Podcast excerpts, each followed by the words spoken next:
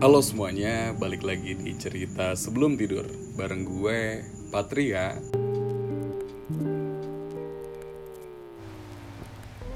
Halo pendengar podcast cerita sebelum tidur.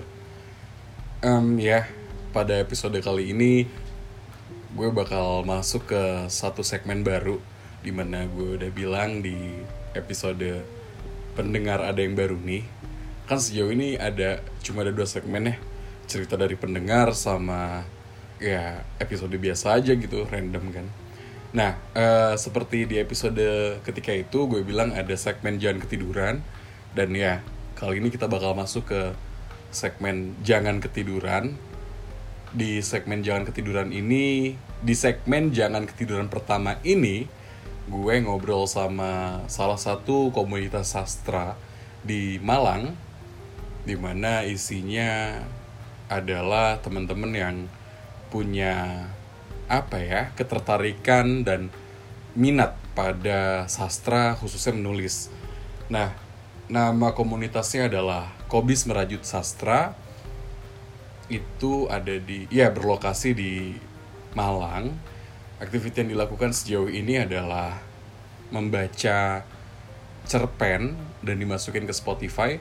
Activity lain yaitu belajar nulis, belajar baca dan segala macam segala macam.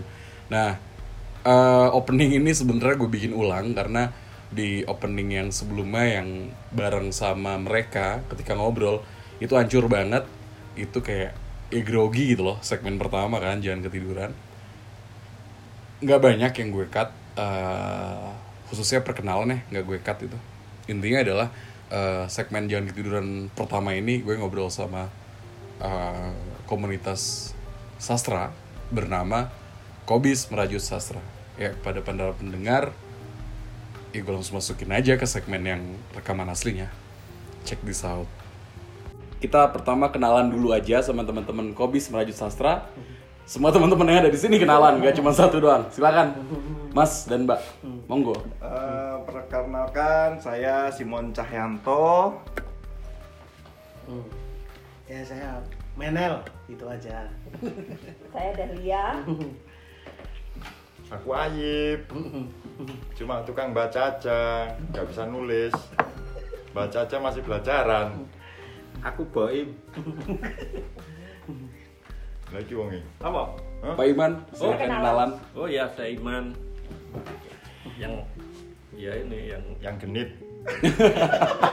Iman yang genit. ya Oke, iya.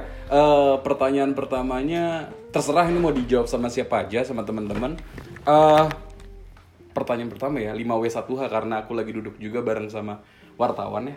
Ikutin juga sama standarnya wartawan gitu 5W1H. What pertama? Apa sih Kobis itu? Silakan yang mau jawab. Woi. Pak Im lu. Kobis itu ke kelompok belajar menulis sastra, non sastra, cuman sekarang lebih banyak eh, sastra. Ya tujuannya adalah eh, kita belajar kehidupan dari cerita-cerita sastra sebenarnya. Bukan cerita sastra itu bukan sekedar untuk hiburan, tapi kita Hmm. belajar nilai-nilai kehidupan dari sastra itu. Dari sastra. Ah ya, ada ini lewat dulu. nah, eh, tadi kan Mbak Dahlia bil- eh, bilangnya menulis ya, ya?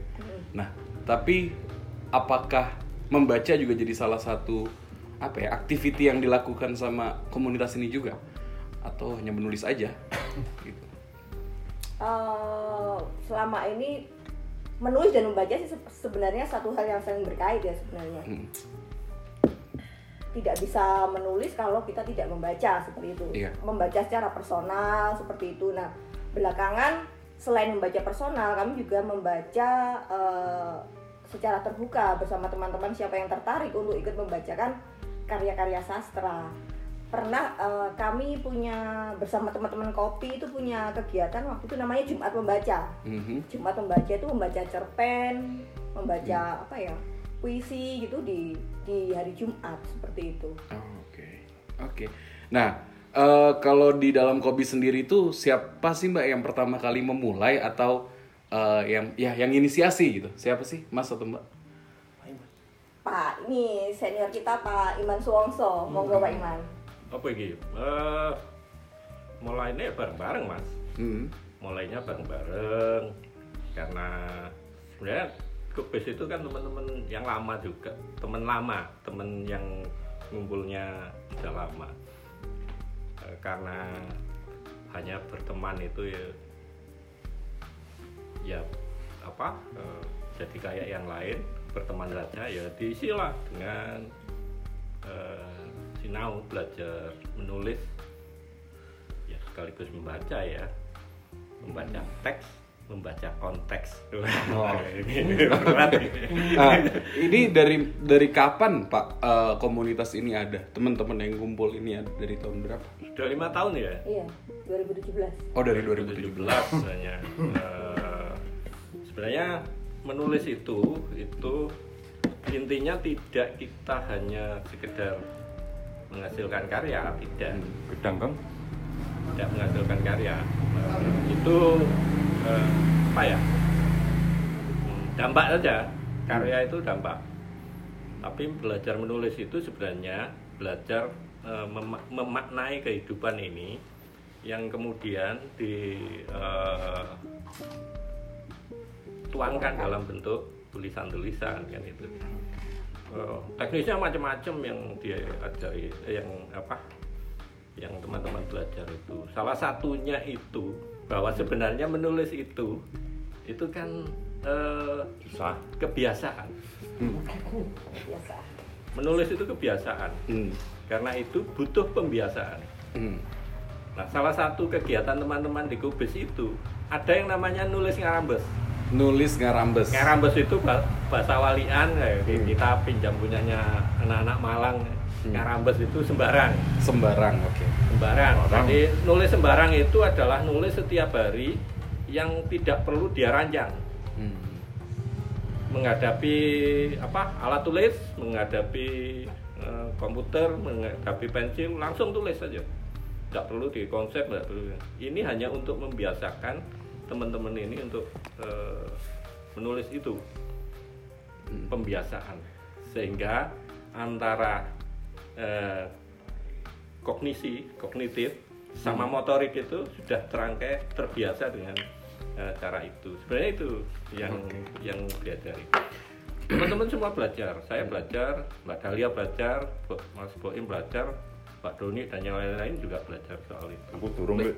meskipun mereka sebenarnya sudah sudah penulis-penulis iya iya. Tapi tetap itu di ini nah itu dibiasakan Mm-mm, Iya. bis itu di situ. Nah, salah satu cara untuk membangkitkan semangat dari teman-teman itu juga kalau eh, yang pertama kita pelajari bagaimana sih menulis menulis cerita pendek dulu. Hmm.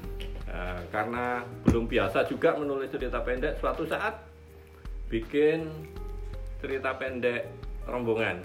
Hmm. Rajutan. Jadi dirajut. Misalnya dimulai yang membuka Mbak Dahlia. Kemudian diikuti teman yang lain untuk melanjutkan tulisannya Mbak Dahlia. Jadi salah sa- eh, dalam satu judul itu ditulis bisa 3 4 5 orang. oke Itu cara eh, kita mengenal eh, cerita sebenarnya, cerita pendek itu. Strukturnya kayak apa? Di samping saling mengenal antar antar teman ini. Personal. Iya. oh. Iya, Pak Iman. Tadi kan Pak Iman banyak menyebut eh, harus eh, di dibiasakan pembiasaan kalimat it- eh, kata itu kan yang selalu diulang sama Pak Iman. Pertanyaannya adalah kenapa harus dibiasakan dan kenapa harus pem- harus ada pembiasaan itu? Apa sih urgensinya gitu, Pak? Ur- eh, saya katakan bahwa menulis itu adalah eh, persoalannya bukan di macam-macam, tetapi bag- ap- apakah setiap orang itu memang biasa menulis atau tidak? Hmm. Eh, karena kalau kita pelajari di ini fisiologi kita, gua ada sampai fisiologi sisa ini. Iya, ya itu kan kita belajar cara kerja enzim kita dan sebagainya. Eh, kebiasaan itu karena eh, apa? pro- kita mempro dalam tubuh kita itu memproduk enzim-enzim yang memang itu sudah sudah dilatih terus menerus kalau kita eh, belajar menulis eh, itu ya membiasakan bagaimana eh, antara kerja otak dengan kerja motorik kita itu sudah terbiasa ya lenyah, lanyah, lanyah. Hmm. Eh, kan Iya, itu, iya. itu teknis sebenarnya, teknis yang bisa dipakai. Lah, persoalan isi itu kan seberapa jauh kita menangkap dari luar. Iya. Menangkap dari luar itu kan membaca. Hmm. Membaca itu bisa membaca buku, membaca teman sendiri, membaca lingkungan, membaca teks dan membaca konteks tadi kan Iya. eh, yang menjadi isi kita. Eh, cerita seseorang menjadi tampak miskin karena dia dia pasti bacanya kurang. Iya. pasti bacanya kurang. Membaca dalam pengertian yang tadi ya, tidak hanya tidak melulu hmm, teks, buku dan sebagainya. Karena itu membaca itu ada hmm, pada titik akhir. Jadi ada proses sublimasi namanya. Hmm, itu proses- adalah hmm, proses penghayatan menangkap dari eh, bacaan kita kan itu. Iya.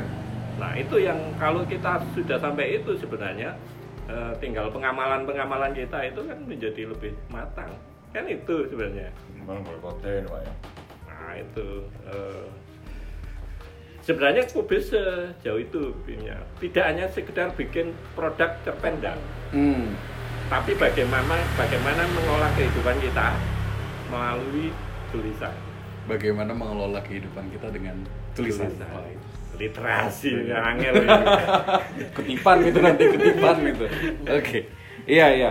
Nah eh, tadi balik lagi ke Mbak Dahlia ya soal tadi kan sejauh ini eh, aktivitinya adalah membaca ya Mbak membaca cerpen khususnya yang disiarkan di Spotify gitu.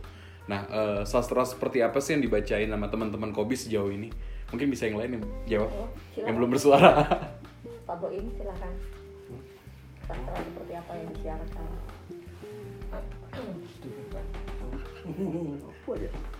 Apa ya ya. Ini kan yang dibaca itu sebenarnya kan Spotify ini kan hanya kalau kalau saya sih itu kan hanya sarana aja gitu. Sarana supaya merangsang kita untuk tetap menulis gitu. dan meskipun eh, banyak metode yang kita terapkan tapi kalau tidak ada perangsangnya untuk menulis itu kan kadang ya naik turun juga gitu. Ya kadang hari ini nulis nanti males gitu kan satu bulan males gitu nah supaya ini kan kemarin salah satu yang dipilih itu pakai metode Spotify itu kita bacakan karya-karya sendiri gitu Oh karya-karya sendiri. Iya. Nggak ada karya dari luar gitu mas? ada juga Oh ada juga. ada juga yang dari luar itu juga sebagai media belajar juga kalau dari luar tuh model tulisannya kayak gini ya, kita seperti apa Oh, Oke. Ya tadi menyambung juga nih dari apa yang disampaikan sama Pak Iman ya. Karena katanya tadi uh, menulis adalah bagian kehidupan lah pokoknya ada hubungan dengan kehidupan. Dari cerita-cerita yang dibacakan sama teman-teman Kobi sejauh ini ada maknanya nggak sih yang dari dipelajari gitu? Pesannya, asik. Kan pesan tuh biasanya tuh. Ada nggak eh ya makna atau pesan dari cerita-cerita yang dibacain sejauh ini? Mas Menel banyak. Ya Hampir pesannya cerita itu ada pesannya. Hmm. hampir kalau saya sendiri sih dengarkannya eh, ya realita kehidupan hari inilah ya ada yang masa lampau dari penulisnya Hmm.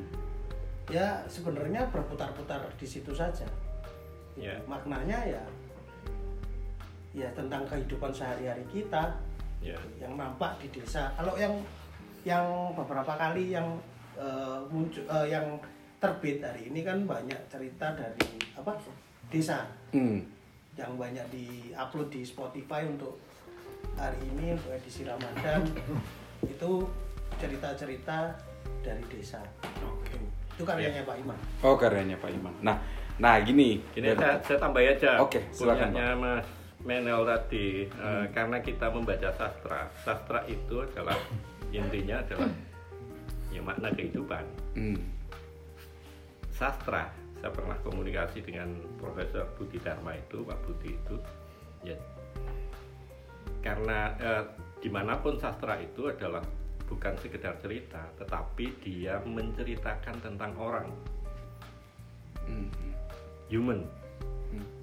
Nah, di, da- di orang inilah eh, ada makna-makna kehidupannya. Yang digali adalah makna kehidupan orang itu. Salah satu contoh itu kemarin teman-teman membaca cerita tentang eh, uang berkibar seperti bendera. Iya. Nah, itu adalah soal bagaimana sih apakah di suatu tempat eh, di wilayah tertentu yang itu pun itu ada di pelosok masih ada yang namanya kejujuran misalnya gitu. gitu. Iya. Itu kan makna kehidupan kita, makna eh, eh, yang ingin ingin disuarakan oleh sastra itu adalah makna kehidupan eh, manusiaan itu. Nah, itu nah, karena itu ya jadi agak berat, jadi agak berat kalau kita enggak di eh, media-media eh, yang model sekarang ya sport TV dan sebagainya ya itu agak agak agak berat juga tapi sebisa mungkin kita mengkomunikasikan dengan baik kan gitu Hmm. di situ kalau makna Oke. Iya. Eh, tadi Mas Menel dan Pak Iman kan bilang ini banyak cerita dari desa gitu ya, Mas Menel. Nah, sedangkan ya secara data katakanlah ya, pengguna Spotify ini mungkin sebagian besar anak muda dan itu di urban gitu. Dan itu kelihatannya kurang relate, eh, kurang dekat dengan mereka sehingga mereka nggak bisa um, apa ya merasakan realita yang dis- disampaikan dari cerita-cerita itu. Nah, ada nggak sih rencana untuk membacakan cerita-cerita yang lekat dengan urban dan khas gitu dengan urban? Atau memang belum waktunya? Maksudnya artinya ceritanya belum ada atau gimana gitu? sebenarnya kan kalau kita ngomong sastra sastra sastra aku pernah baca itu literasi apa ya? Itu sebenarnya dari Sanskerta mengarahkan tra itu alat alat untuk mengarahkan. Apa ya? Nah kita kan ngajak sebenarnya intinya ini kita ngajak ke pembaca atau penikmat itu sebenarnya untuk mengetahui. Kita dengan membaca cerita itu kita mengetahui kondisi sekitar oke? Eh, hubungannya sama pertanyaan tadi Hmm.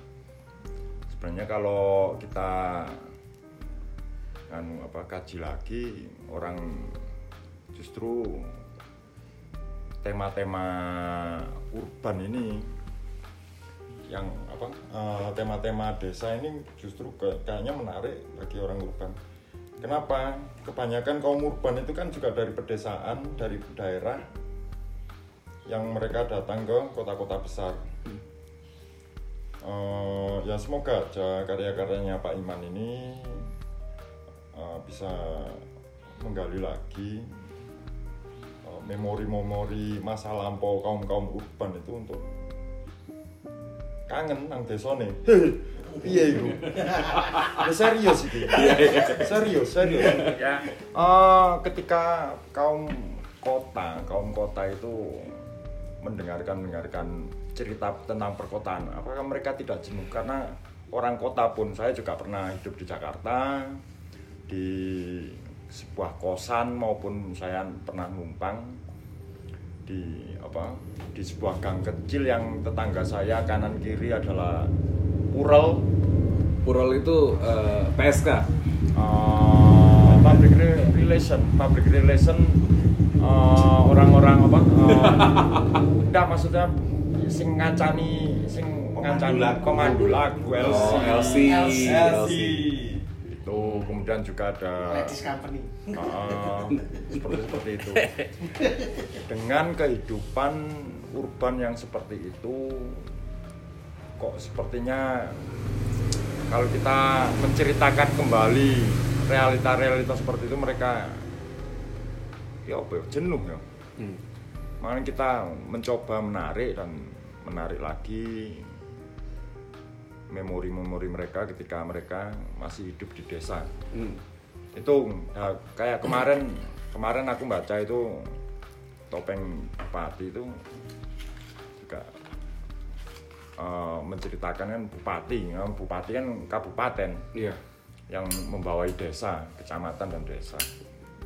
Ya udah, eh, itu sebenarnya kan bagaimana kita kita ini eh, mengetahui perilaku sebagian besar teman-teman yang sa- eh, semacam sakit gagah, Hmm. sakit dada, gagah dan balas dendam kemiskinan. Nah, eh, cerita-cerita ini kan sebenarnya juga banyak terjadi di daerah-daerah. Bagaimana mereka ini ketika butuh, butuh-butuh mau mau punya ajar hajat kuat untuk berkuasa, mereka gimana perilakunya. Kemudian ketika dia sudah mencapai itu, tiba-tiba sakit itu kambuh. Namanya sakit gagah. Ada yang bisa menjelaskan lebih lanjut gak sakit gagah itu ya? Sakit gagah itu sakit kaget. Hmm. Kaget karena awalnya itu orang-orang yang tertindas. Kemudian Hmm. ketika dia sudah punya kuasa, dia gantian menindas. Hmm. Dengan cara apa pun, dengan kuasa seperti itu. Ya. Eh, kalau cerita-cerita tentang desa ini kebetulan mas, Hmm. maksudnya kebetulan itu eh, karena kita menyiapkan untuk eh, bulan puasa bulan Ramadan ini Hmm. di apa setiap hari harus juga itu ada dua manuskrip yang sebenarnya saya rencanakan untuk kita terbitkan. Manuskrip pertama itu eh, topeng di meja bupati itu itu cerita-cerita tentang desa semua. Cerita-cerita tentang desa. Ada 17 tapi yang ditampilkan di sini sekitar 15 Eh, berikutnya akan muncul soal cerita-cerita tentang lebih banyak tentang soal cinta yang lebih humanis apik. Eh, itu di kumpulan manuskrip eh, kunang eh, perempuan kunang-kunang. Perempuan kunang-kunang ini eh, setelah tanggal 15 eh, Ramadan, berarti tanggal umumnya berapa ini? Itu akan 16 masuk ke sana setelah manuskrip pertama selesai disambung manuskrip kedua perempuan kunang-kunang. Itu eh, juga ada 17 cerita tentang yang di situ eh, ceritanya lebih banyak tentang eh, humanisme tentang cinta dan sebagainya. Nah itu itu. Jadi yang kita baca itu sebenarnya yang kita punya. Oke. Pak Iman tapi kan saya dulu waktu kecil tuh pernah dibawain bapak ya buku tulisannya Pak Iman juga kalau nggak salah deh itu deh. oh ya Apa itu Pak? Eh, Cerpen juga isinya? yang merah itu ya Iya. Ini Ero. Bukan. Sisi jujur si jujur si Apa- Oh si jujur yang mati di desa. Si jujur. Ya itu sudah dibacakan juga di awal kemarin oleh teman-teman. Hmm. Sudah ada di akunnya Kobis Oke. Udah udah di, sudah, Sudah dibacakan. dibacakan semua itu. Cuma eh, kemarin dibaca utuh-utuh itu. Eh, juga bisa dibeli kok bukunya mas Oke. Linknya di bawah ya. Linknya di bawah. lecet banget bisa dibeli. Oke. Eh, tapi dari tadi teman-teman eh, teman-teman Kobis dan Pak Iman khususnya ya, itu kan berbicara bagaimana menyajikan realita dengan cerpen gitu ya. Nah, pertanyaannya adalah kenapa harus menggunakan media cerpen? Padahal kalau eh, ada media-media lain kayak misalkan contohnya eh, ya hal serius seperti jurnal atau buku-buku yang lebih serius berpandangan antropologi atau sosiologi kan ada juga itu Pak apakah hanya sekedar ingin meringankan dan banyak orang melihat itu sebagai apa ya oh ya diringankan aja gitu agar semua orang lebih merasa atau seperti apa kenapa menggunakan sastra dan cerpen yang kita punya.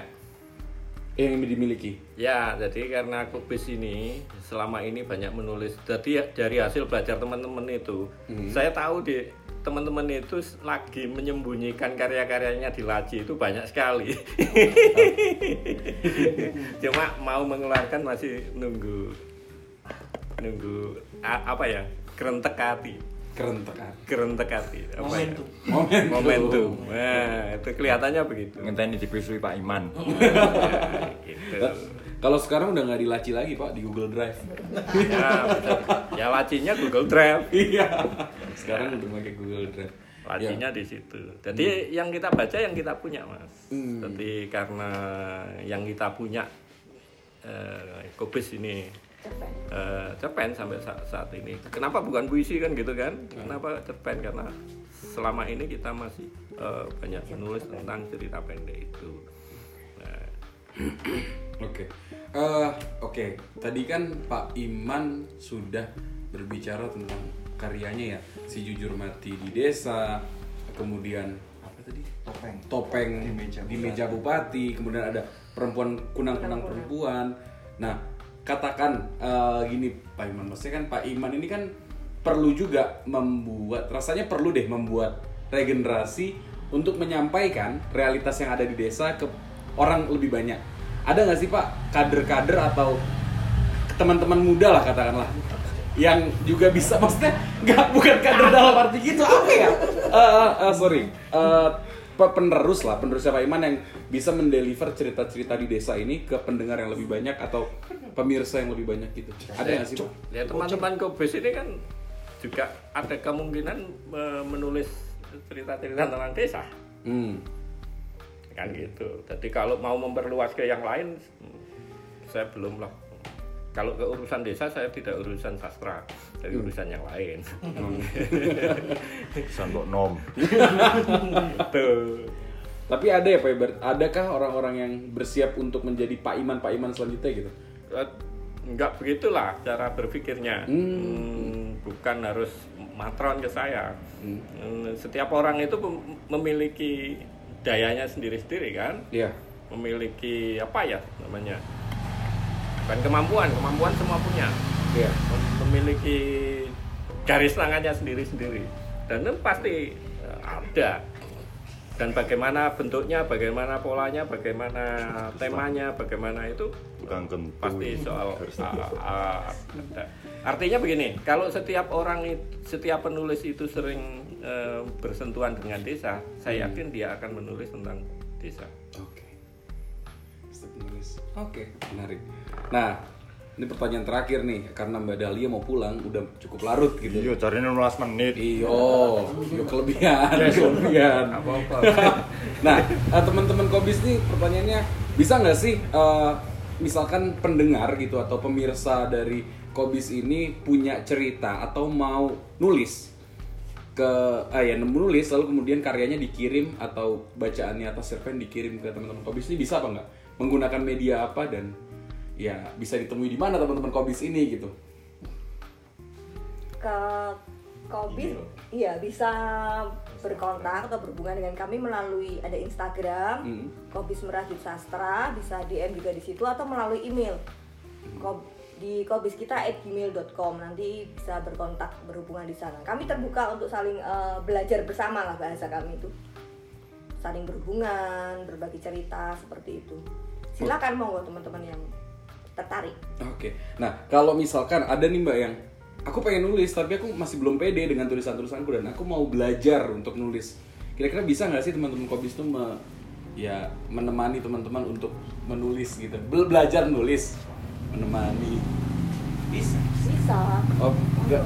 Masih bisa. bisa Hmm.